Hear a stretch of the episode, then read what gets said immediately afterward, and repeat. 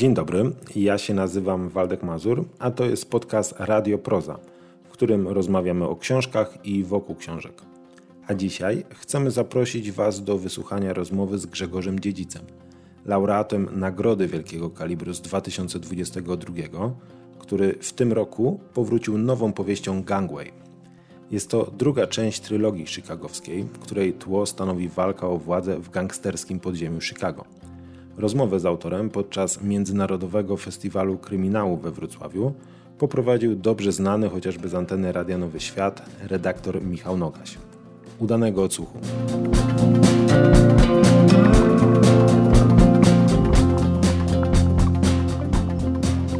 Jesteśmy na wizji, na fonii i na liniach wszelkich. Można nas oglądać po tej i tamtej stronie Atlantyku. Bardzo Państwa witam serdecznie. Przed nami przedostatnie spotkanie tegorocznego Międzynarodowego Festiwalu Kryminału. Za nami już spotkania z osobami nominowanymi i e, laureatem tegorocznej edycji. A teraz będziemy rozmawiać z osobą, która szturmem wdarła się na polską scenę kryminalną, gdy chodzi o literaturę i przed rokiem otrzymała nagrodę wielkiego kalibru. Mm, I teraz mogę powiedzieć tak wielojęzykowo. Straight from Chicago, Illinois. Grzegorz Dziedzic. Dobry wieczór, dzień dobry. Dzień dobry Państwu. Dzień dobry. Witam serdecznie i dziękuję Państwu za przybycie. U Ciebie w domu to jest teraz po 11, prawda? Tak, ja myślę, że moja mama, która została pod naszą nieobecność z psem i kotem, właśnie jakoś tak zbiera się do życia. Wspaniale, bardzo się cieszymy, że jesteś takim rannym ptaszkiem i dobrze funkcjonujesz tutaj. E, myślę, e, Grzesiek, że musimy zacząć właściwie od początku, dlatego że nagroda przed rokiem dla wielu obserwatorów e, sceny literackiej, kryminalnej w Polsce była zaskoczeniem, bo nagle się pojawił ktoś skądś i zgarnął nagrodę, a ponieważ nie przebywasz w Polsce na co dzień, no to wiele osób nie miało okazji odbycia z tobą spotkania lit autorskiego, literackiego gdzieś w podróży mm, po Polsce, wpaść na ciebie w, na festiwalu albo w którymś z domów kultury czy bibliotek.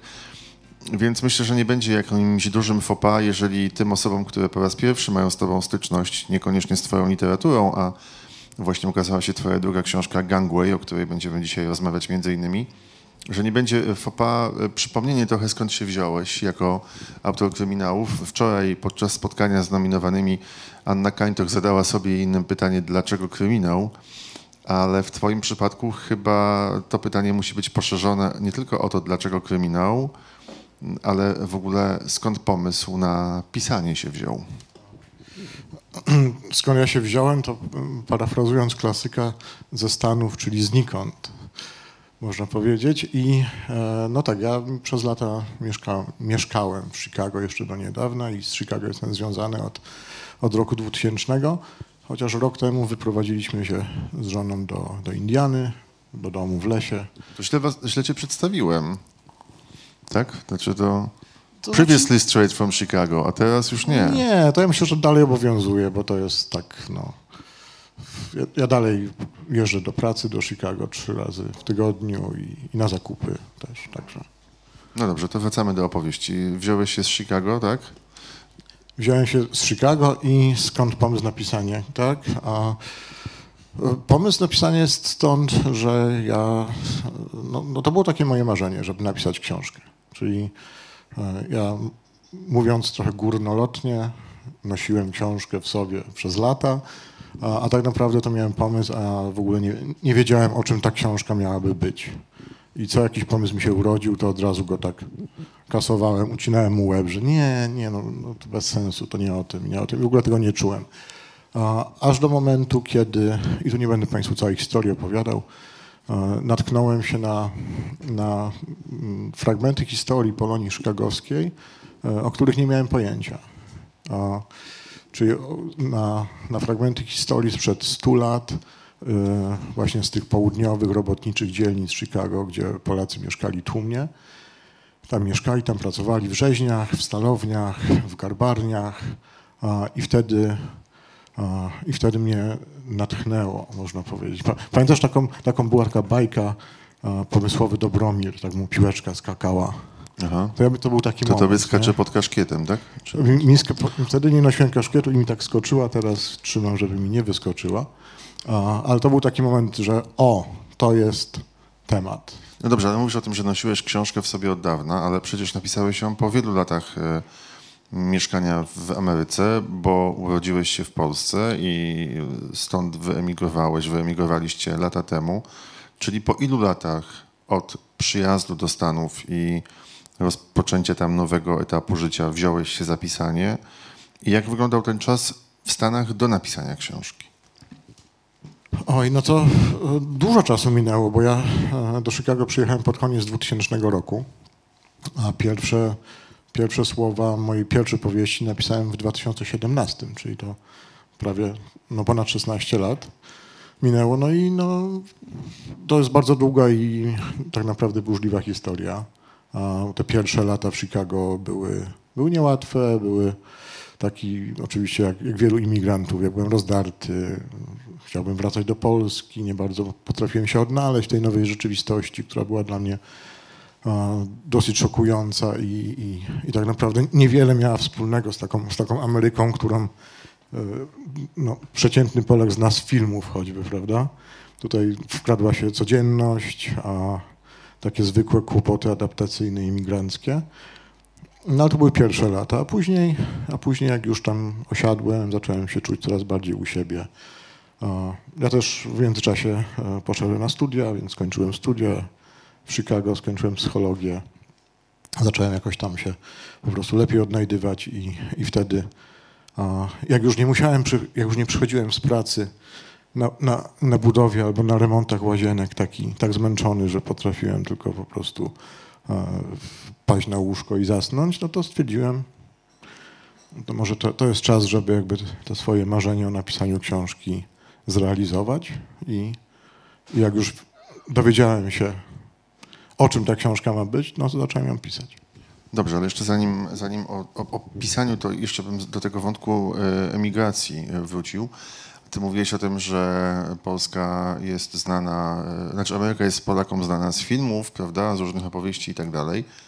No Chicago i okolice i w ogóle Polonia to znana jest z filmów, w których nasi rodacy mieszkający e, za oceanem od pokoleń albo od niedawna nie są zwykle przedstawiani w bardzo e, pozytywnym świetle.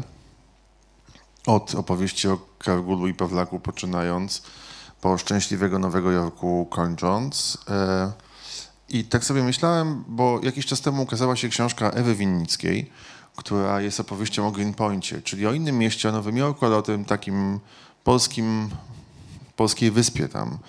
Ja akurat na Greenpointie bywałem wielokrotnie, więc znam e, tę przestrzeń dobrze. W Chicago byłem raz w życiu i nie miałem okazji jakoś rozpoznać Polonii. Mm, poza krótką wizytą w jednych z e, muzeów, gdzie się kultywuje polską, polską tradycję i pamięć historyczną. Ale y, no, spotkałem się od razu z czymś takim, że y, ta część zamieszkana przez Polaków, ta polska enklawa w Nowym Jorku, to jest miejsce, jeżeli chodzi o poglądy, podejście do życia i tak dalej, jeszcze bardziej podzielone niż Polska ta tutaj. Y, I właściwie czytałem potem książkę Ewy i, miałem takie przekonanie, że co parafia to inne spojrzenie na świat, co sklep to inne podejście do współczesności i interesuje mnie, jak to wyglądało i wygląda w Chicago. To taka rzeczywistość, którą tu opisujesz, to, to ja się z nią zetknąłem, jak, jak do Chicago przyleciałem, jak, jak tam się osiedliłem, bo rzeczywiście to, były, no to był początek lat 2000 i, i, i były, istniały jeszcze te enklawy, te dzielnice e, takie stricte polskie. I, I tak jak mówisz, to jak, jak, jak pierwszy raz ja pos- postawiłem stopę na Jackowie, bo to taka najsłynniejsza polska dzielnica w Chicago, no to ja miałem w ogóle takie, takie wrażenie, jakbym się przeniósł raz, że do jakiegoś takiego niewielkiego polskiego miasta, ale jeszcze się cofnął tak o 20-30 lat. Czyli jesteś kulturalny i nie chcesz użyć słowa skansen.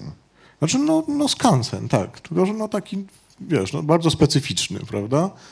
A, i, I rzeczywiście, bo, bo to, no, polskie dzielnice, czyli polskie enklawy, czyli takie miejsca, gdzie Polacy że, gdzie każda nowa fala emigracji, przedstawiciele każdej nowej fali emigracji się osiedlali po to, żeby się czuć wśród swoich bezpieczniej, żeby mieć swojego fryzjera, swój sklep, swoją masarnię, swoją kawiarnię i tak dalej.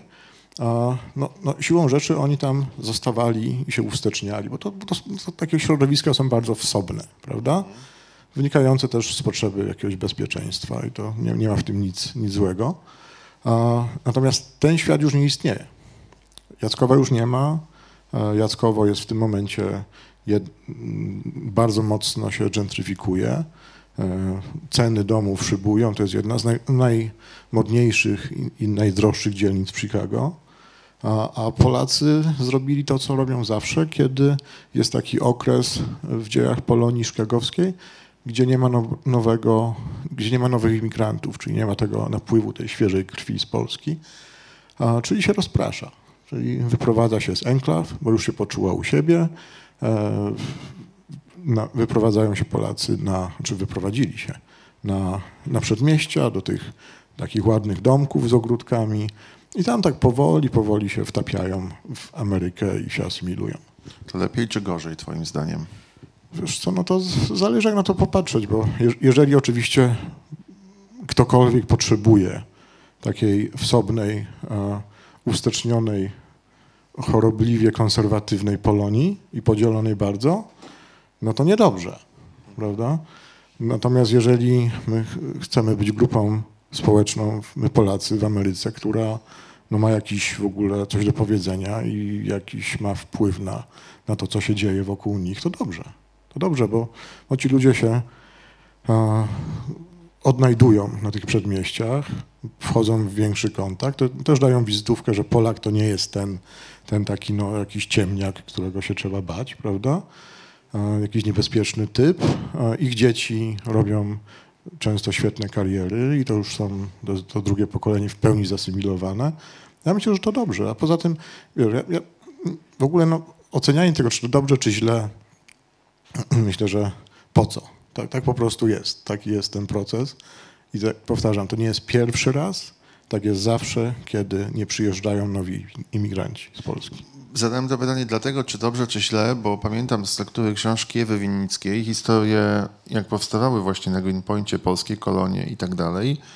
To Polacy bardzo odstawali od pozostałych grup mniejszościowych w ten sposób, że całkowicie jakby odmawiali asymilacji wtedy.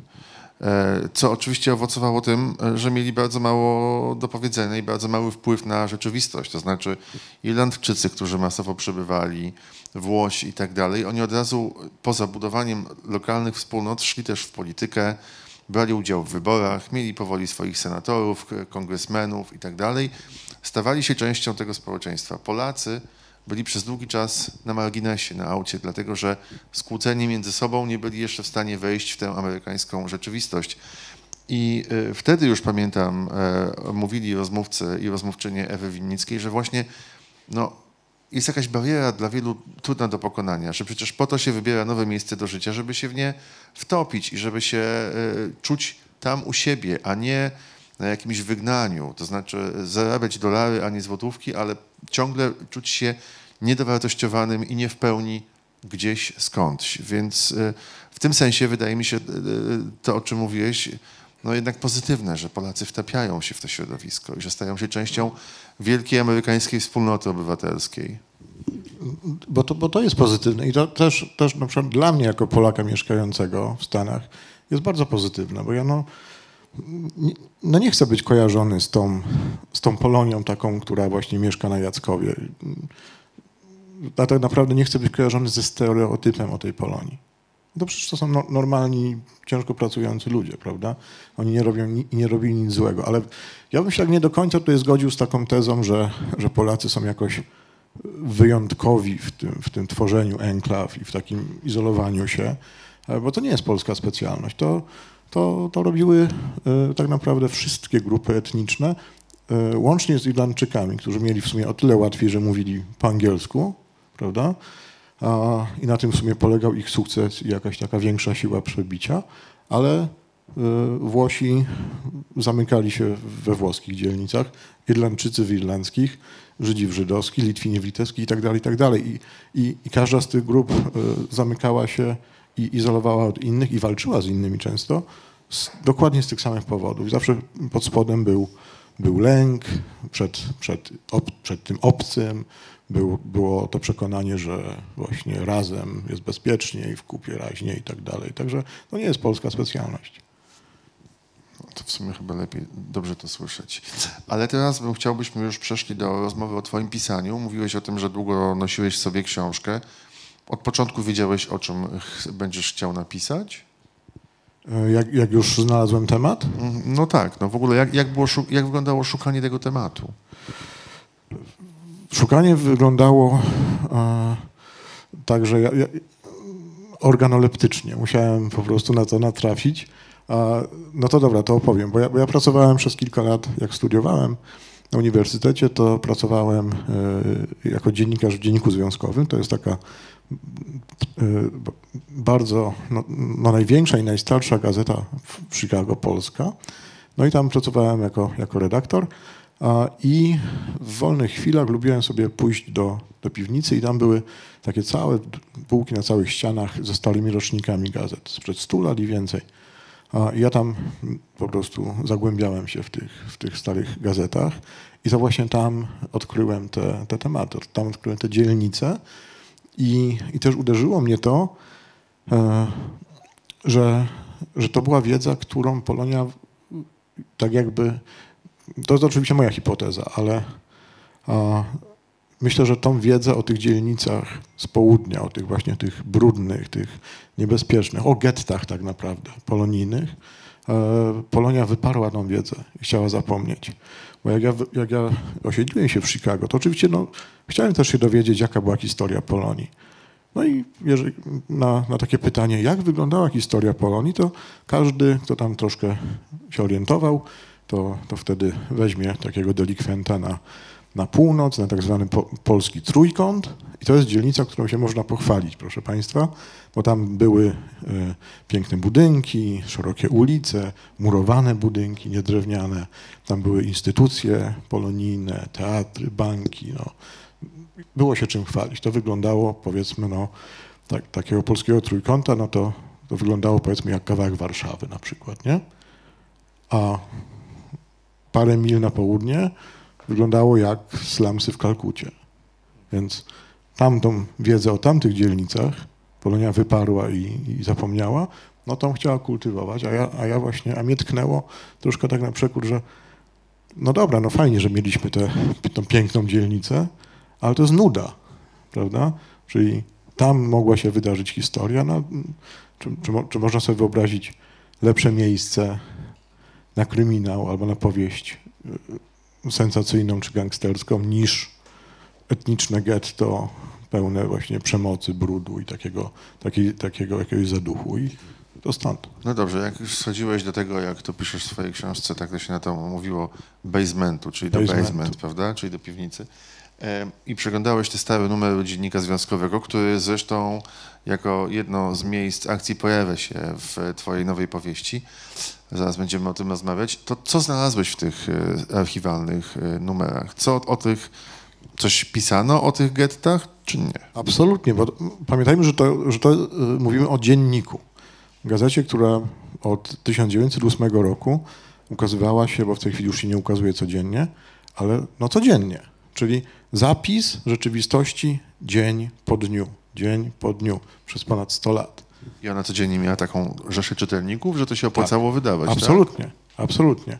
A, to i, mówi o skali Polonii chicagowskiej. No wte, wtedy, w tamtych czasach ta skala była ogromna. Ogromna, tu mówimy o kilkuset tysiącach ludzi. A, I i, dzien, I dziennik związkowy, e, właśnie opisujący te dzielnice, no tam ja przede wszystkim no, zagłębiałem się w takim opisie życia, prawda? Czyli otwierałem od razu kronika kryminalna, prawda? To się trochę inaczej nazywało. I czytałem, jakie były z danego dnia czy tygodnia tam historie o jakichś zabójstwach albo o jakichś napadach i tak dalej, o, o skandalach, bo tam prze, niesamowite historie. Opowiem Państwu historię, do której na przykład, no ja do wielu takich dotarłem. Niektóre z nich zresztą e, opisałem w Gangwayu, ale historia, która w tej, w tej chwili mi przyszła do głowy, to była historia młodej dziewczyny, która e, nie chciała iść do pracy i z tego powodu rodzice zagrozili, że ją wyrzucą z domu. 18-letnia dziewczyna, która w buncie przeciwko takiemu traktowaniu, bo nie chciała iść gdzieś tam, nie do szwalni pewnie, pracować, e, ubrała się, to był rok 1921, ubrała się e, w męskie ubranie i wyszła na miasto. W nadziei, że zostanie aresztowana i że pójdzie do więzienia. Na złość rodzicom. Ale policjanci ją oczywiście tam zawinęli i odwieźli prosto do, do rodziców. I, i, to był, I to był artykuł, prawda? Taki mały. I takich artykułów były setki. To codziennie były takie po prostu historyjki, które no, dla, dla pisarza to jest no, absolutnie bezcenne źródło. Oprócz tego ogłoszenia drobne, które też no, niesamowite źródło. I to, tak, tak, żeby Państwu uzmysłowić, jaka była, jaka była skala w ogóle Polonii, no to ogłoszenia nie były takie jak teraz, że tam przyjmę pomocnika do hydraulika, prawda? Albo dwóch ludzi do przeprowadzek. Nie, to były ogłoszenia z rozmachem, na przykład rzeźnia przyjmie 500 osób. Nie? Takie były ogłoszenia. Także ogłoszenia, kronika towarzyska i kronika kryminalna to moje główne źródła. Były też reklamy? O i, o i reklamy, absolutnie. Z reklam korzystałem jakby tworząc taką topografię miasta, czyli gdzie co było i, i, i, sporo właśnie miejsc, które były i w Żadnych Bogów, Żadnych Panów mojej pierwszej powieści i w Gangwayu, to były, e, rzeczywiście te miejsca istniały. A dlaczego w ogóle e, myślałeś o tym, żeby napisać kryminał, powieść sensacyjną? A tutaj, tak jak już powiedziałem, no, kryminał pasuje do jakby do, do klimatu, który ja sobie tam wyobraziłem, jaki tam musiał panować. A, poza tym, no to, to, też, to też było tak naprawdę świadome i, i, i z rozmysłem działanie, no bo e, kryminał dalej jest modny i poczytny w Polsce. W 2017 roku był, był chyba jeszcze bardziej nawet, więc pomyślałem sobie, ok, no to jeżeli ja chcę, żeby tą książkę ktoś przeczytał w Polsce, no to kryminał. Teraz być może bym zaryzykował erotyk, ale nie wiem, czy to jest dobra sceneria do, do, do powieści erotycznej, ale no, może. W sensie te slamsy, tak? Te slamsy, No tak. to by mogło być trochę takie... Ryzykownie. Ryzykowne i może takie nie, nie do końca smaczne też. No właśnie. No tak, bo, no bo Chicago się kojarzy oczywiście z jazzem, z Barackiem Obamą oraz z Alem Capone, który się w twojej nowej powieści e, pojawia. I też muszę przyznać, że dla mnie lektura Twoich książek była odkryciem w tym sensie, że oczywiście mając świadomość tego, co działo się w Stanach Zjednoczonych w czasach prohibicji i mając świadomość tego, kim byli ci wszyscy super szybkostrzelni panowie, którzy załatwiali swoje interesy i wymyślili na przykład betonowe buty, prawda, żeby się pozbywać konkurentów. I o ile pamiętam też e, świetny film Martina Scorsese'ego Gangi Nowego Jorku, to tyle o e, rozsianiu tych gangów e, w przestrzeni chicagowskiej nie miałem zbytniego pojęcia. No i teraz dzięki twoim dwóm, jak na razie, książkom, ta moja wiedza została uzupełniona o ten brakujący element.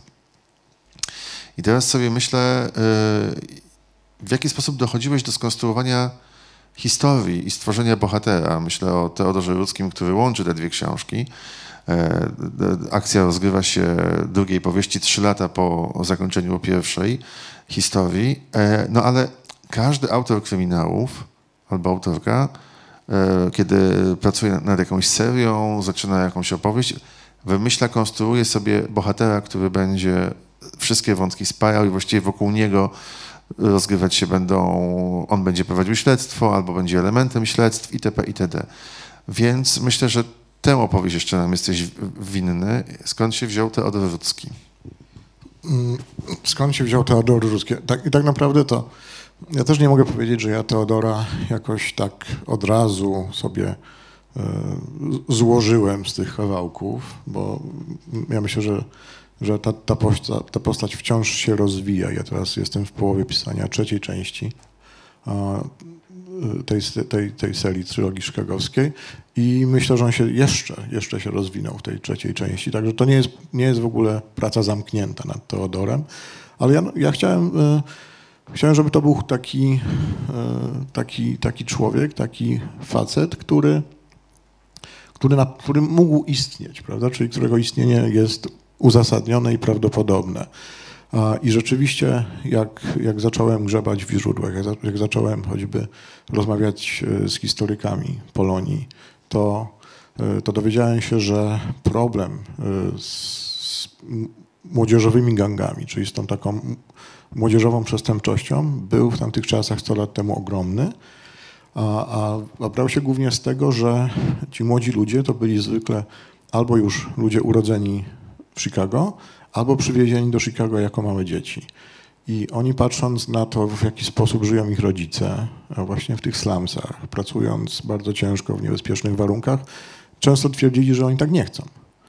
Że nie, nie będziemy tak jak wy tutaj się y, zacharowywać, a, a z kolei miasto, które obserwowali, inne nacje nadawały im wzorce, że można łatwiej, można szybciej, czyli na przykład można zarobić i dojść do czegoś w sposób nielegalny i, po, i powstawały, powstawały gangi. I, no i nie chcąc tutaj Państwu, którzy jeszcze nie czytali, psuć zabawy, no to Teodor to jest właśnie z takiego środowiska, który, który nie chciał tak jak jego ojciec i matka. I stąd jakby się bierze cała opowieść, a, a tak to naprawdę bez spoilerów, żeby o tym opowiedzieć, to chyba, chyba się nie da. No dobrze, to był taki człowiek, jeszcze tak dopytam, żeby nie spoilerować, który znalazł własny sposób na osiągnięcie tego, co się nazywa, na spełnienie tego, co się nazywa amerykańskim snem? Absolutnie, absolutnie, bo spełnienie amerykańskiego snu to jest coś, co Teodora Rudzkiego tak naprawdę najbardziej interesuje. Bo jego nie, nie, nie, nie interesuje tak naprawdę e, czy Polska będzie wolna, prawda? Żadnych bogów to jest 1918 rok, a tamta niepodległość gdzieś jest w tle, ale tylko tak czasem i na chwilę, prawda? Jego tak naprawdę nie interesuje, co się dzieje w, jego grupie etnicznej. Jego interesuje, żeby, żeby zarobić, żeby wygodnie żyć, żeby nie musieć pracować tak ciężko jak rodzice.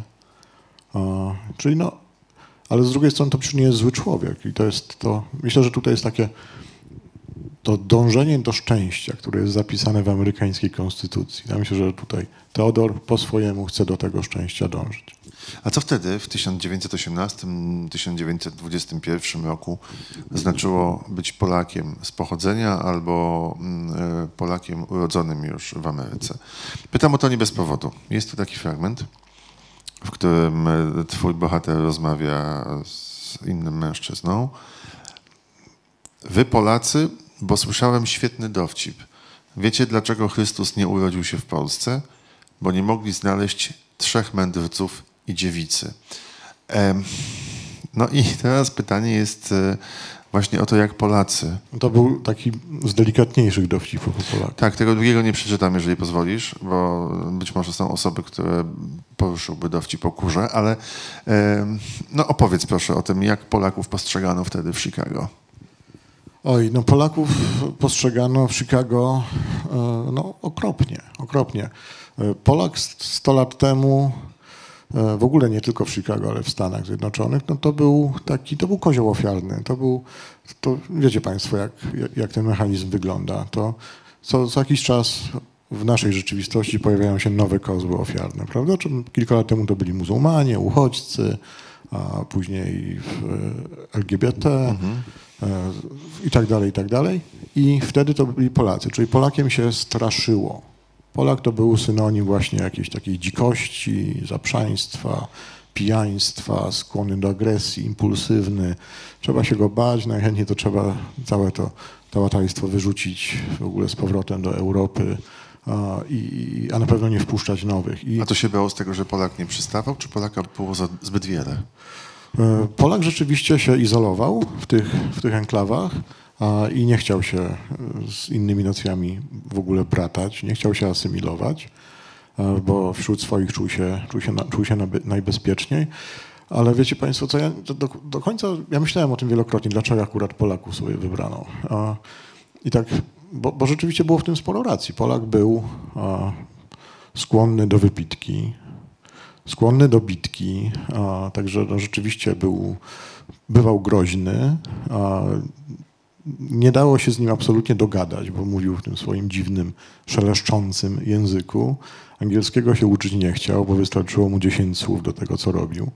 A więc no, moim zdaniem, jeżeli do tego dołożymy jeszcze e, istnienie tych ogromnych robotniczych dzielnic, gdzie policja często się nie zapuszczała w ogóle, gdzie nie było kanalizacji przez, przez jakiś czas, gdzie była największa śmiertelność wśród pracowników fizycznych, gdzie była największa śmiertelność wśród noworodków, no to mamy gotowy materiał, żeby, żeby to jakoś, żeby tego Polaka z, z, zrobić z niego tego kozła ofiarnego i, i, i użyć go do jakichś tam celów no, politycznych pewnie, prawda? I na przykład wygrać wybory.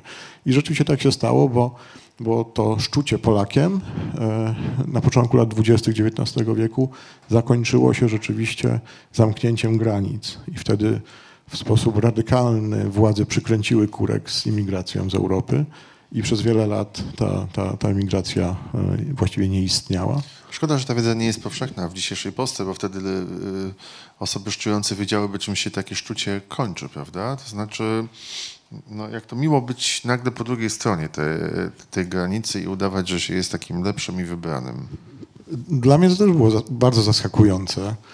Ja, ja powiem więcej. 100, 100, lat temu i ponad 100 lat temu Polak, ale to nie tylko Polak, bo i, Włosi, przed nim jeszcze Irlandczycy, w ogóle nie byli uznawani za ludzi rasy białej. To nie byli biali ludzie. My byliśmy jakoś tak gdzieś pomiędzy pomimo tego jasnej karnacji, nie byliśmy białymi ludźmi. Byliśmy gdzieś pomiędzy właśnie białym a, a afroamerykaninem czy latynosem. No bo biali byli anglosasi i Niemcy, czyli ci, którzy byli na szczycie drabiny społecznej, a Polak był na samym dole drabiny społecznej Gdzieś tam obok właśnie. Czyli prawdziwymi białymi byli ci, którzy zbudowali Amerykę na krwi rdzennych mieszkańców, tak? To oni byli prawdziwi biali. Oczywiście, oczywiście. Ci, ci prawdziwi biali zatrudnili półbiałych, żeby ich rękami zbudować swoją potęgę. To przecież to historia stara jak świat, nie? Absolutnie kol kolonialna. Bo kiedy myślę jeszcze o twoim opisie, opowieści o, zanim e, trochę cię proszę, żebyś jednak zdradził, co się w Gangwayu dzieje i skąd taka historia, e, to mm, szukam jeszcze jednego tekstu, który ma związek bezpośrednio e, z dziennikiem związkowym. To jest zresztą ciekawe, no bo przecież jest to gazeta, w której pracowałeś, więc wykazujesz się tutaj dużym rodzajem odwagi, no bo przecież dawni koledzy mogą przeczytać. I to jest, Czytają. I to jest opowieść o tym, że to była bardzo antysemicka gazeta. I o to bym chciał jeszcze e, cię zapytać, żebyś może nakreślił to, jak w tym polskim środowisku, w środowisku Polonii, no, bardzo silne były te właśnie nawyki, skłonności antysemickie. Co jest ciekawe, dlatego że jak wiemy doskonale, akurat społeczność żydowska w Ameryce bardzo wiele dla tego kraju zrobiła i naprawdę no, jest tam jedną z głównych sił te, te stosunki e, polsko-żydowskie też w Chicago e, są, myślę, nie mniej złożone niż, niż, niż, niż w Polsce. Bo z jednej strony tak, była na przykład cała akcja, no ta słynna endecka akcja Nie kupuj u Żyda, która była też, e, też w Chicago, ja o tym piszę. I ja rzeczywiście no, natrafiłem na dużo takich artykulików opisujących historię. Ja tutaj przytaczam właśnie. To może ja przeczytam no? fragment.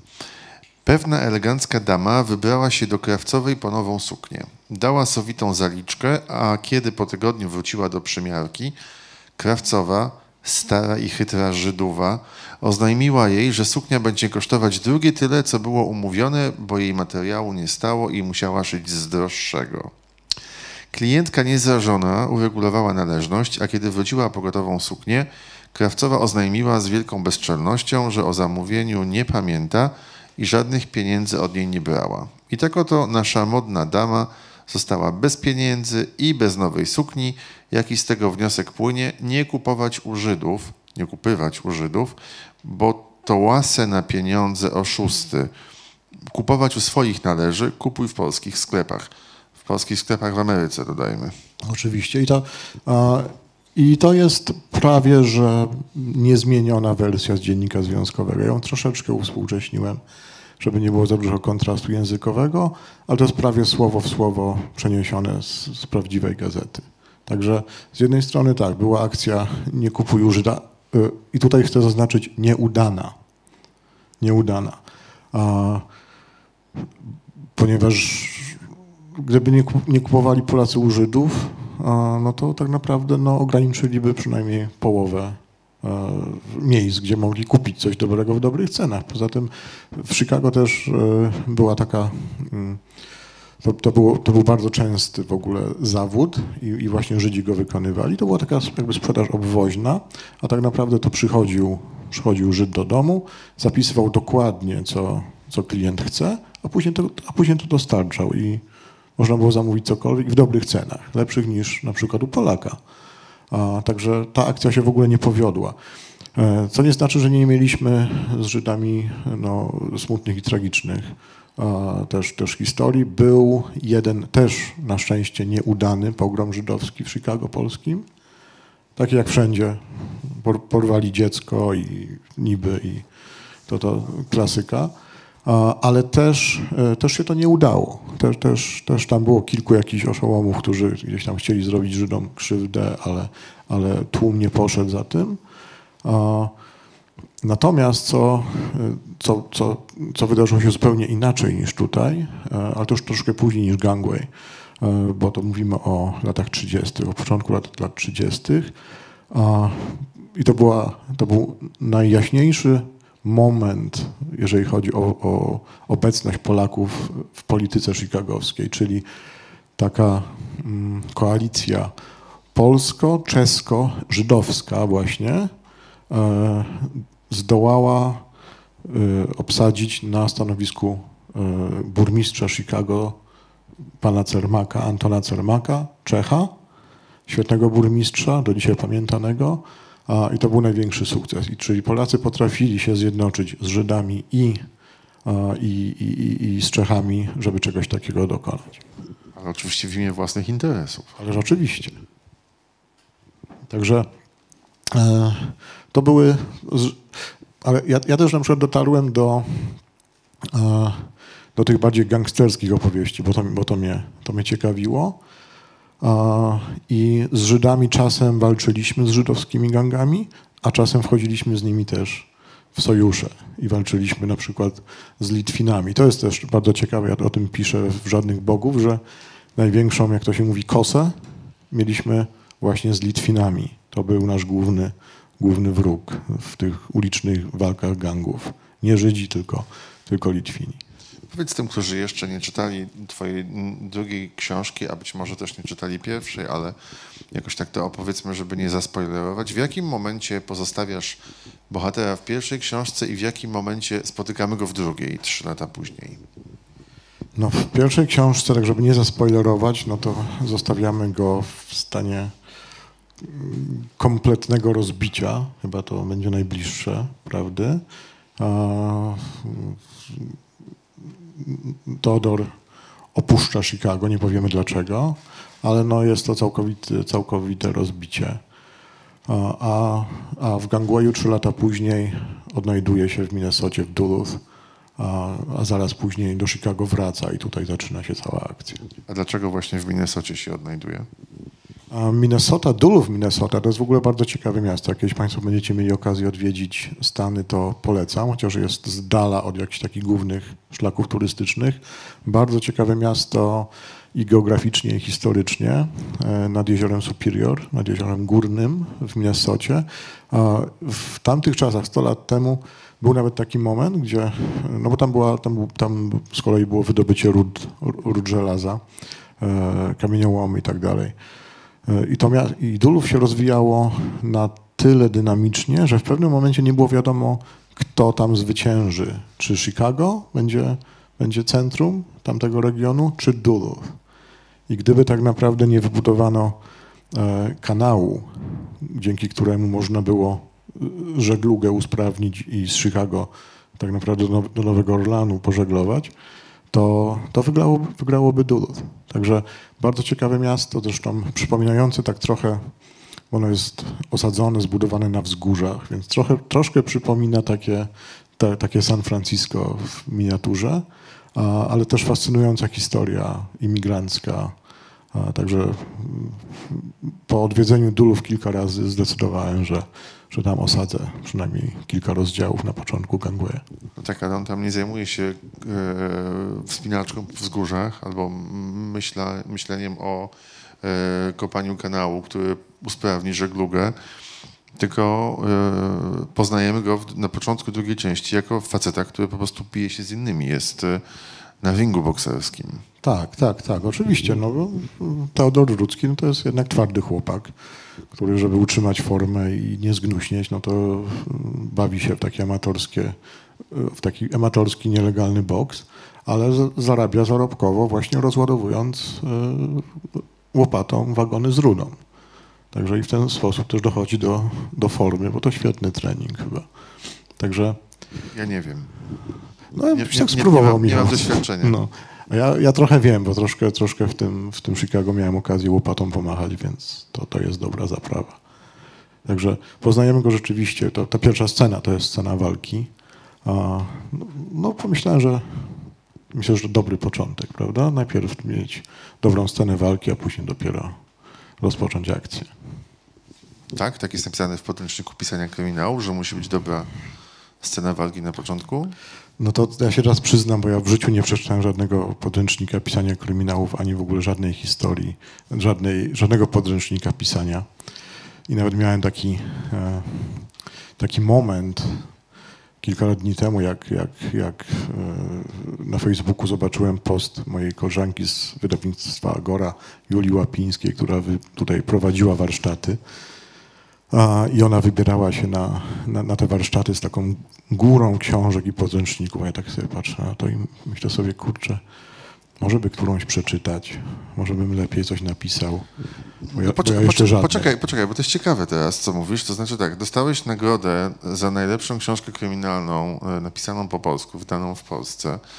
Jury, które nie należy do najbardziej łaskawych, bo są tam osoby E, no, regularnie czytające i mające dość jednoznaczne poglądy wskazało właśnie na ciebie. Zostałeś okrzyknięty e, odkryciem sceny literatury kryminalnej w Polsce. I co, wychodzi na to, że jesteś po prostu samoukiem? To znaczy sam sobie zrobiłeś, tak? No, no w sumie tak to wychodzi. ja, ja jestem takim naturszczykiem e, i samoukiem rzeczywiście. I tak też pomyślałem sobie, gdybym i z pewną ulgą sobie pomyślałem, Jezu, dobrze, że mi nie, nikt nie zaproponował prowadzenia takich, takich kursów, bo nie wiem, co ja miałbym tym ludziom powiedzieć. Nie musiałbym coś zmyślać i stuleć strasznie i improwizować. Pewnie bym coś tam powiedział, ale, ale no, rzeczywiście nie mam jakiegoś y, przygotowania. No, no, też, też nie będę się tu krygował, że żadnego, no bo w końcu w Polsce nie skończyłem, co prawda, ale studiowałem dziennikarstwo, więc coś tam pisałem. Później dużo pisałem w dzienniku związkowym, więc jakiś tam warsztat operowania słowem mam, ale jeżeli chodzi o pisanie powieści, to, to tak z, rozbiegu. Dobrze, to już wiemy znacznie więcej na temat tego, jak e, się za to wszystko zabrałeś. I teraz tak, e, pierwsza scena, e, biją się na tym ringu, biją się, krew się leje, oczodół pęka, no nerwowo jest bardzo, ale od razu to powiedzmy twój bohater przeżywa, bo nie byłoby książki, gdyby nie przeżył, prawda? Po pierwszych trzech rozdziałach. I e, świat, od którego uciekał, ludzie, od których e, chciał się e, odłączyć, przypominają sobie o nim e, w sposób taki, bym powiedział, e, no, mało przez niego przewidziany. E, po prostu to, że przewalając łopatę i biorąc udział w nielegalnych meczach bokserskich, e, zwraca uwagę jednego z gangsterów, mafiozów i zostaje e, no, wprowadzony do tego świata, wraca do podstaw, że tak powiem, i to wszystko dzieje się, to jest osadzone w historii no, jednej chyba z jednego z najciekawszych okresów gdy chodzi o XX wiek w Ameryce, czyli czasów prohibicji. Opowieści o tym. Ale wczesnej. Jak, tak, ale opowieści o tym, jak odgórnie wprowadzone e, zakazy e, no, doły będą obchodzić. Tak, tak, to, to rzeczywiście jest e, fascynujący czas w Chicago i w Stanach w ogóle.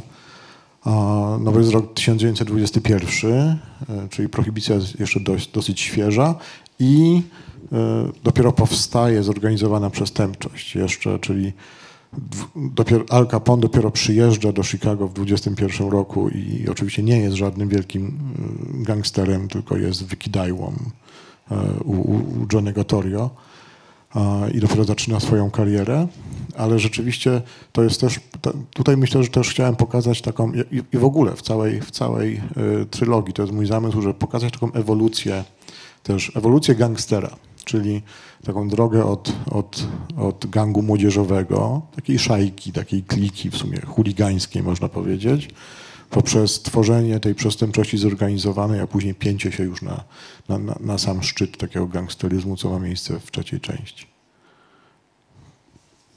No dobrze, a czy ta wiedza na temat tego, jak Ameryka funkcjonowała w czasach prohibicji, e, która, no, ta pętla na na, szyjach osób, które e, e, chciały sięgać po alkohol się zaciskała, tak e, patrząc na to administracyjnie czy urzędowo, prawda, było coraz trudniej. Czy pisząc o tym fragmencie historii, który się pojawia w książce, też sięgałeś po jakieś źródła, być może nie do końca powszechnie dostępne? Oczywiście, ja, ja, ja staram się, żeby. Ja, ja mam taką zasadę, że pewnie jestem e, literackim naturszczykiem, ale mam zasadę, żeby nie pisać bzdur. E, czyli mój research jest wnikliwy. ja zanim siądę do pisania, to przede wszystkim czytam, dogrzebuję się, pytam też, bo mam, mam na szczęście mam przyjaciół, którzy zajmują się historią Chicago zawodowo i na tym zęby zjedli, więc mogę zawsze zapytać, czy, czy tak było, czy tak mogło być, czy to jest prawdopodobne. Także no, ja, rzeczywiście, no, ja teraz na przykład pisząc trzecią część, czyli tutaj e, zdradzę od razu, znowu jest, jesteśmy dwa lata później, to już jest 23 rok i, i odradza się Ku Klux Klan. I twój bohater ciągle żyje. Oczywiście, Oczywiście. To jest ważna informacja, że nie ginie w drugiej części.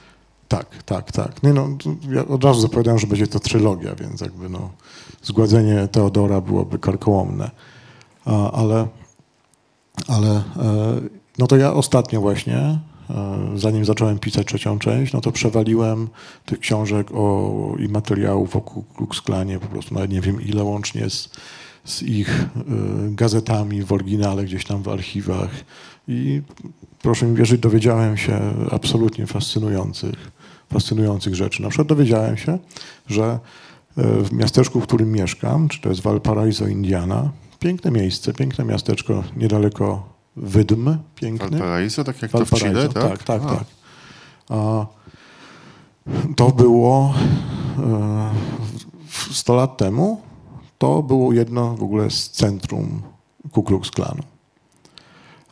Miasto, przez, które było absolutnie klanowe, gdzie nie, gdzie nie było w ogóle mowy o tym, żeby, żeby jakiś, e, już nawet nie mówiąc kolorowy, ale papista, Polak, imigrant mógł się tam zaplątać, bo by, no, to się źle skończyło.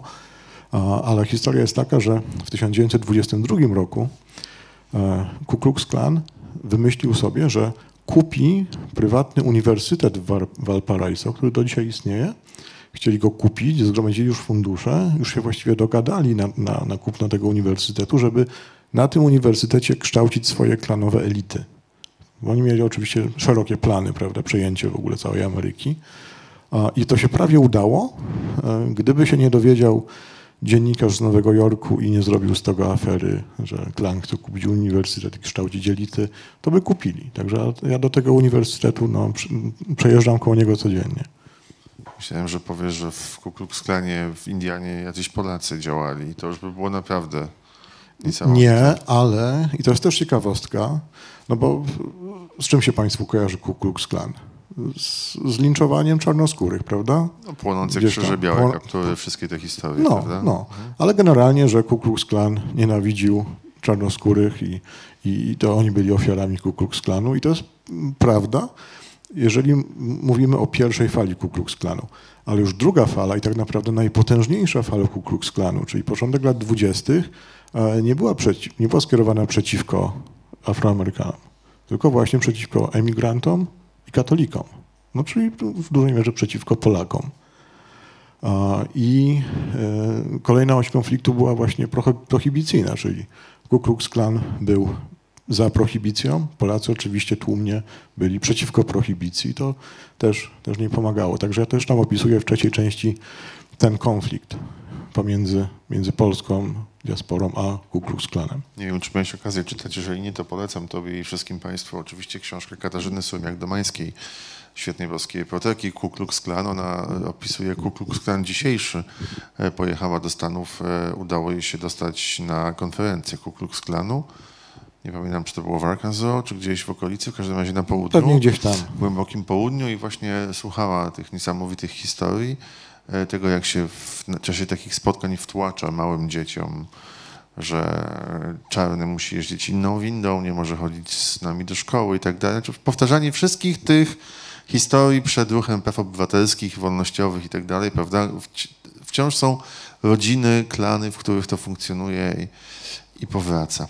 E, Każda książka, i tak jest też w przypadku e, Twoich dwóch tomów, e, trylogii chicagowskiej, tych, które znamy, no, poza tym, że łączy je bohater, to w każdej z nich dzieje się też jakaś, jest wymyślona jakaś historia, któ- która, zagadka, która musi być rozwiązana. Do czegoś to wszystko zmierza. I teraz bardzo się ciężko rozmawia, jak wiemy, o kryminałach z osobami, które je piszą, w obecności osób, które jeszcze ich na przykład nie miały okazji przeczytać.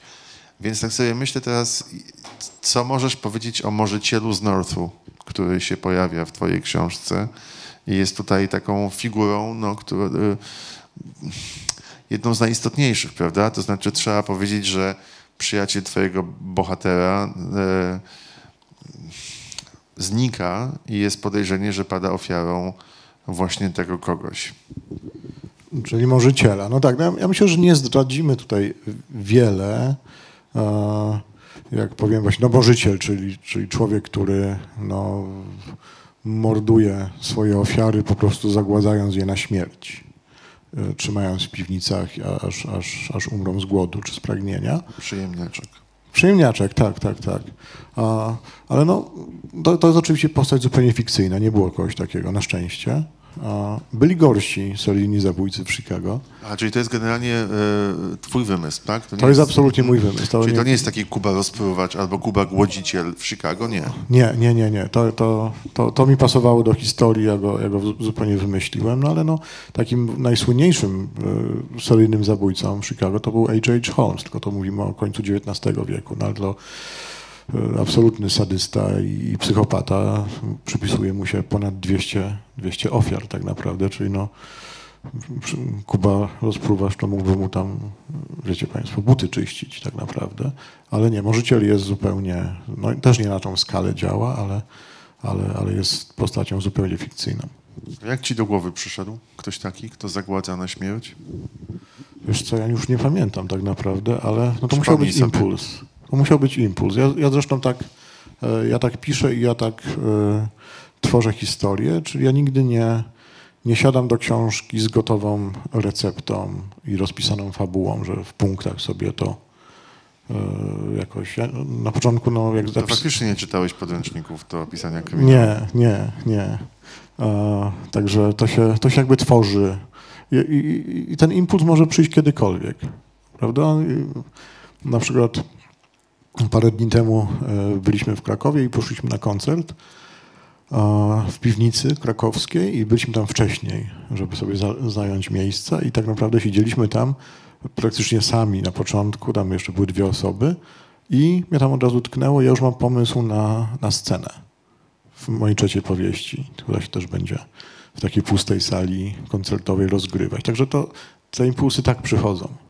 To cza, czasem jak coś czytam, czasem jak oglądam film, czasem jak, jak widzę jakąś ciekawą osobę albo, albo, albo z kimś rozmawiam i, i nagle po prostu ja jakoś wiem, że to jest, że to, jest to, że tego, tego trzeba użyć. Także nie pamiętam dokładnie, jak, jak możecie mi wszedł do głowy, ale to musiał być jakiś, jakiś taki impuls.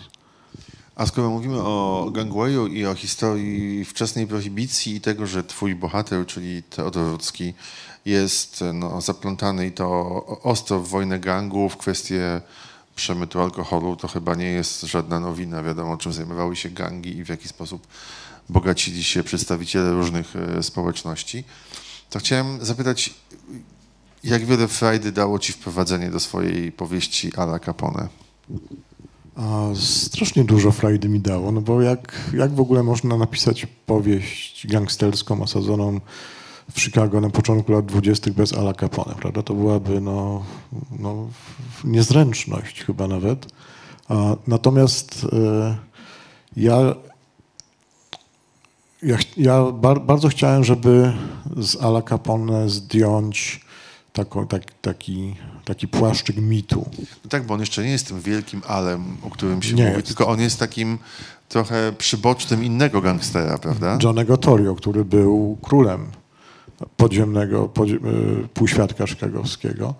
A Także raz, że Al Capone dopiero się rozwija, wzrasta i on dopiero z takiego, tego takiego wikidajły, z takiego brutalnego no, chama zamieni się w tego, tego celebrytę później, ale to, to znacznie później.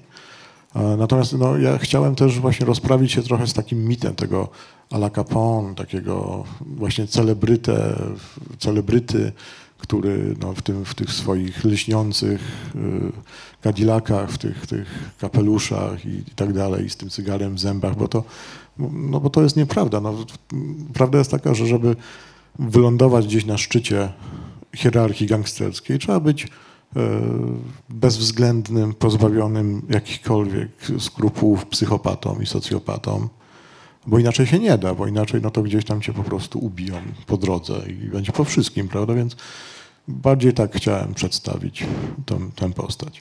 Jesteś zadowolony z tego, jak ci się napisał Al Capone?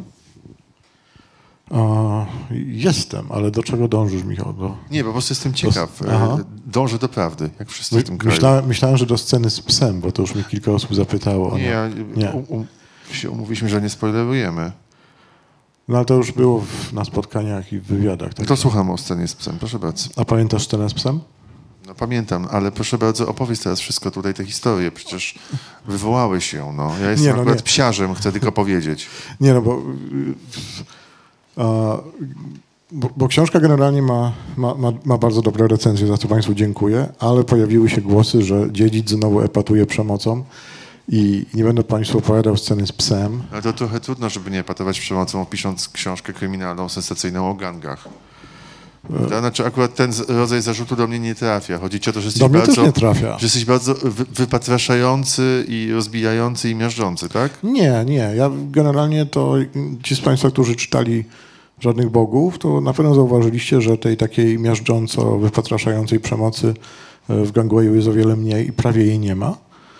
Oprócz sceny z psem, którą, na którą się uparłem, a chociaż e, raz, że moja żona, która jest pierwszym krytykiem, czytelnikiem mojej książki, powiedziała, musisz to wyrzucić, i później za nią przyszedł mój redaktor Paweł Sajewicz, też powiedział, no wiesz co, no, mm, ta scena z psem to tak nie za bardzo, tak będziemy epatować, ale no ja się uparłem i została.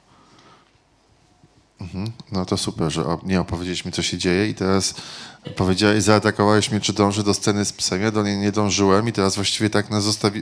zostaliśmy z tym psem jak ktoś tam z angielskim, no. No nie no, scena z psem właśnie, właśnie służy temu, żeby pokazać, e, jaki jest Al Capone. Czyli, że nie jest ten celebryta. Psychosocjopata, no to już Absolutnie. ustaliliśmy, tak? Absolutny wariat, absolutny sadysta. No bo no, nie mógłby, no, inaczej nie, nie doszedł do, nie zostałby Alem Capone. No ja dążyłem w moim pytaniu do tego, że każdy, kto wykorzystuje postać historyczną, już wielokrotnie opowiedzianą, wkłada ją do swojej książki albo filmu, zawsze może coś od siebie dodać, rozumiesz? To znaczy, że masz tę przewagę nad postacią, poza tym, że ona już nie żyje, że możesz z nią zrobić wszystko i na przykład możesz go zrobić miłośnikiem pieczarek, nawet jeżeli nie był, prawda? Albo zbieraczem runa leśnego, no cokolwiek. E, to prawda, ale no, mo, moim właśnie celem było, żeby nie, nie podtrzymywać tego, tego fałszywego mitu, tego celebryty, tego takiego gangstera. Niektórzy, no, no proszę Państwa, no, ja ostatnio byłem właśnie, byłem na przykład w Muzeum Gangsterów e, w Hot Springs, Arkansas i, i, i tam no, wzorów koszulek z Alem Capone było chyba 30. To jest po prostu no, coś niesamowitego. A, także no to, to, to jest taki symbol. Tylko ile zostało prawdy w tym symbolu? Niewiele, więc ja jakby tutaj chciałem troszkę przywrócić Alu, Alowi Capone, ala, ala Capone, właśnie tego, tego sadysty i, i, i psychopaty. Mamy na rynku dwie twoje książki, wznowienie pierwszej, teraz premiera drugiej, świetne recenzje, poza sceną z psem. E, mówisz, że jesteś w pracy, więc teraz odwrócę pytanie, i zapytam cię, do czego dążysz, Grzegorzu, w trylogii chicagowskiej? Do czego ja dążę? A to jest, widzisz, to jest, to jest ciężkie pytanie. I no nie mogę Państwu powiedzieć, jak to się skończy, bo by Wam zepsuł zabawę. ale dążę, o, ja już wiem. Dążę do tego, żeby to była trylogia. Dążę do tego, żeby uniknąć takiej pułapki serii, która się nie kończy bo szczerze mówiąc, to ja, ja, nie lubię serii, które się nie kończą, nie lubię ich czytać, więc nie chcę ich pisać. A poza tym no, troszkę jestem już zmęczony, bo jednak pisanie, pisanie kryminałów retro wymaga dużo pracy i, dużo tego researchu, więc myślę, że jak skończę trzecią część i zamknę, zamknę trylogię, to, to wezmę się za coś współczesnego. Ale pamiętam przed rokiem, kiedy tutaj e, rozmawialiśmy e, na przykład z Małgorzatą Omilanowską, która jest szefową jury, Omilanowską Kiliańczyk i ona właśnie jakoś tak bardzo entuzjastycznie zareagowała na pojawienie się twoje na, na rynku polskiej literatury kryminalnej, to y, jednym z takich argumentów, który przemawiał poza umiejętnością opowiedzenia historii y, i stworzeniem własnego pomysłu na kryminał bez podpierania się fachową wiedzą w podpunktach, też to, że ty po prostu zagospodarowałeś pole do tej pory nieodkryte, niewykorzystane.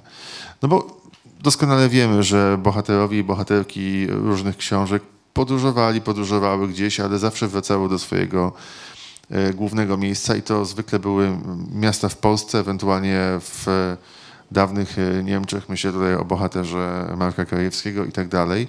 E, czy to była Polska rozbiorowa. Natomiast e, ty od początku do końca opisujesz tereny pozapolskie, po, po, Polaków w Chicago. I myślę, myślę sobie, że to w ogóle otwiera w ogóle przed tobą jakąś taką niesamowitą możliwość eksplorowania też innych przestrzeni. Jak czytałem y, twoją książkę y, pierwszą, a teraz dobiłem się gangwayem i wiesz, tam jest taka strasznie okrutna scena z psem, więc uważaj, jakbyś czytał. E, e, ale może ją pominąć. Trochę nie wiadomo, do czego autor dążył, no ale ta. E, to na przykład od razu mi się e, uświadomiło, uświadomiłem sobie to, że w kapitalnej książce Martina Polaka, Cesarz Galicji, jest opowieść o ludziach emigrujących nie tylko do Stanów Zjednoczonych, ale także na przykład do Ameryki Południowej, o polskich y, młodych kobietach i o młodych polskich Żydówkach, które były sprzedawane do domów publicznych w Brazylii czy w Argentynie. I pomyślałem sobie, kurczę, no właśnie tego też mi brakuje. To znaczy, chodziłem kiedyś po Buenos Aires śladami Witolda Gombrowicza. To jest taka literacka ścieżka, opowieść o, o pisarzu na emigracji, który y, zasmucał się w kafe Tortoni, pracował w banku i tak dalej, ale wciąż to była jakaś taka historia w miarę elitarna, prawda? A nie, a nie mamy tej opowieści o Polkach i Polakach, którzy na przykład płynęli do Argentyny i tam musieli od nowa budować swoje życie. Czy to nie jest jakiś rodzaj tematu, który też by cię mógł zainteresować, poza tym, że mógłbyś zabrać rodzinę na miłe wakacje do Argentyny? Wiesz co, może i tak, ale ja, ja, ja myślę, że ja bym się skupił się na, na 50 Stanach Ameryki. A, a... Skupiłbym się na Chicago, bo tam jeszcze jest mnóstwo historii do powiedzenia i, też w różnych, jakby w, różnym, w różnych czasach. Czyli zamkniesz trylogię chicagowską, ale będziesz pisał kolejną trylogię, tak? Tak, tak. tak. Mhm. Ja mam, mam, już plan na, na, na, książkę, która będzie się działa też w Chicago, ale współcześnie.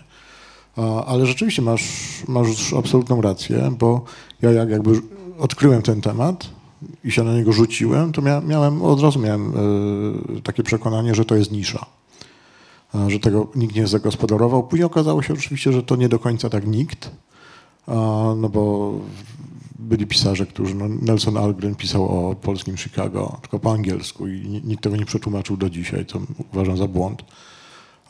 Jest taki pisarz e, e, John Guzlowski, który wciąż pisze i on z kolei napisał już całą serię e, kryminałów, które się dzieją w polskim Chicago, tylko troszkę później, bo to są lata 50., 60. Także to nie, nie jest jakiś mój zupełnie nowy autorski pomysł, ale, ale no, po polsku nikt jeszcze o tym nie pisał i chyba jestem, jestem pierwszy. Ale tych, tak jak mówisz, tych tematów jest więcej, bo to można umieścić choćby w Argentynie, ale też e, ciekawostka, na, na którą też od, wpadłem niedawno, e, jest takie miasto St. Louis a, i w St. Louis e, rządziły polskie gangi. I to no. jest fakt, tak.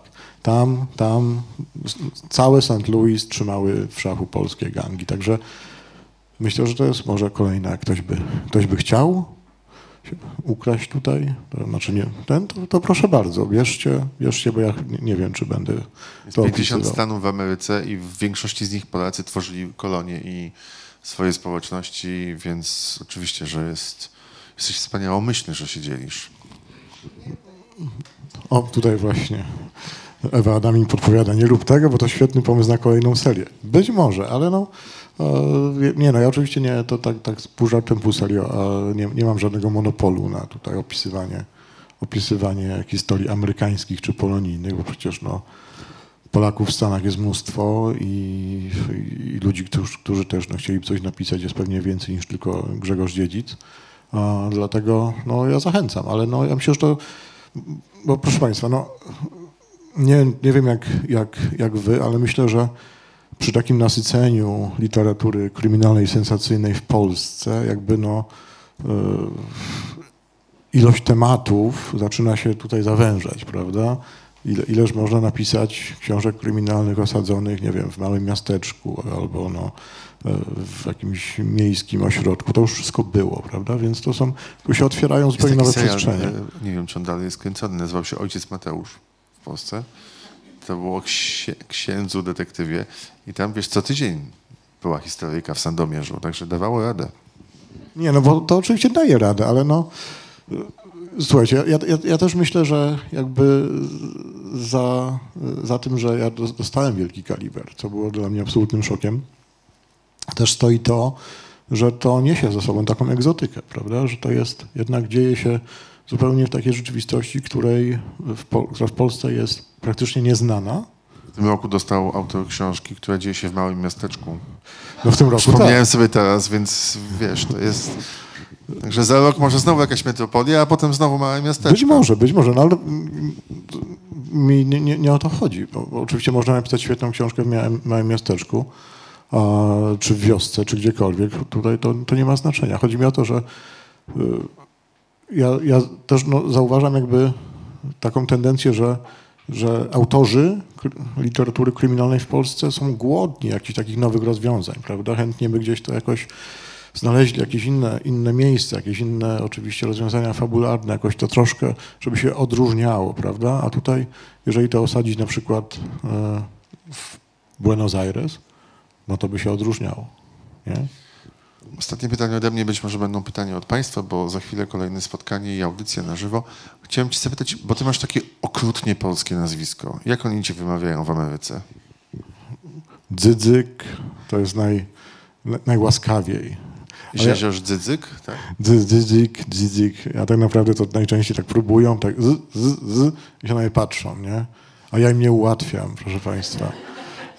Natomiast ja, ja w ogóle to jak, jak miałem już okazję i, i, i, zostałem obywatelem amerykańskim, to tam jest taka możliwość, że można zmienić imię i nazwisko. Więc ja sobie zmieniłem oficjalnie, zmieniłem sobie na Greg przez jedno G na końcu, żeby było łatwiej, no bo to już Grzegorz, dziedzic, to był absolutny dramat, słuchajcie. to w ogóle nie, nie da się podejść prawda, do tego, do tego tematu.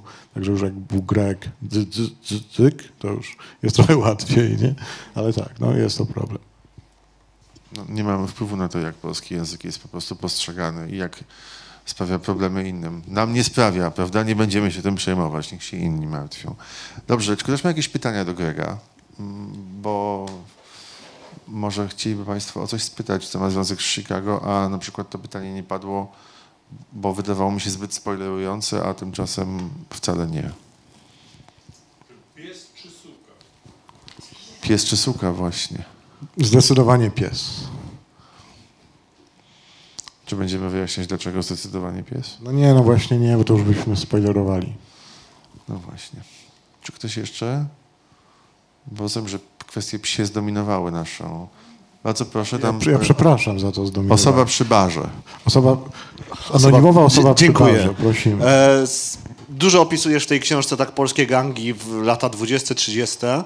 E, a jak to wygląda współczes- we współczesnym Chicago? Ale Pytasz o polskie gangi? To Polskie jakiś- gangi, czy w ogóle wiesz, czy, czy, czy występuje wiesz, takie zjawisko, czy oni się totalnie zasymilowali?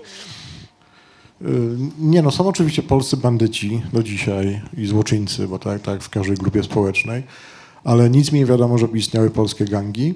E, Ostatni polski gang, to on, nie był, to nie był czysto polski, był polsko-meksykański. E, Istniał e, w latach 70. jeszcze w dzielnicy Back of the Yards, tam przy Rzeźniach. I to był niezwykle brutalny gang. To był gang, który się zajmował no, wymuszenia, to były naj, naj, takie najlżejsze rzeczy, które oni robili. Tak naprawdę to był gang, e, który się zajmował głównie morderstwami na zlecenie. Także no, nie, niezwykle brutalne historie. To ciekawe, bo gang złożony z przedstawicieli dwóch nieprawdopodobnie silnie katolickich nacji, prawda?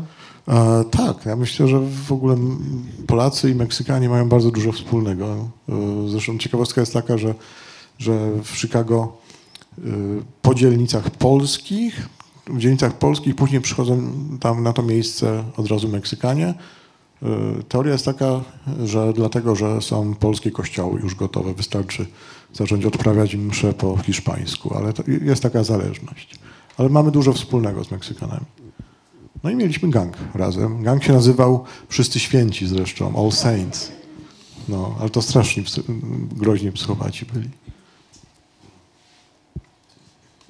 Dobrze, to w takim razie chciałem na koniec zapytać Cię o kaszkiet. Bo z jednej strony Peaky Blinders i te wszystkie filmy i seriale, w których właśnie osoby zajmujące się różnymi rzeczami nie do końca zgodnymi z prawem noszą kaszkiety. Kaszkiet też się pojawia w Twojej książce w drugim tomie. Pamiętasz scenę, gdzie jest kaszkiet? No, jest dużo Nie będę, nie będę spoilerował. E, Słynna no, scena z kaszkietem, proszę Państwa. Tak. Proszę, proszę uważać. ka- tak zwany kaszkiet scene. No a, a Ty co? A, a, ja, a ja nosiłem kaszkiet, proszę Państwa, przed Peaky Blinders. Oczywiście nikt mi nie uwierzy, ale y, ja, ja mam w ogóle taki szczęśliwy kaszkiet, który ma ponad 20 lat.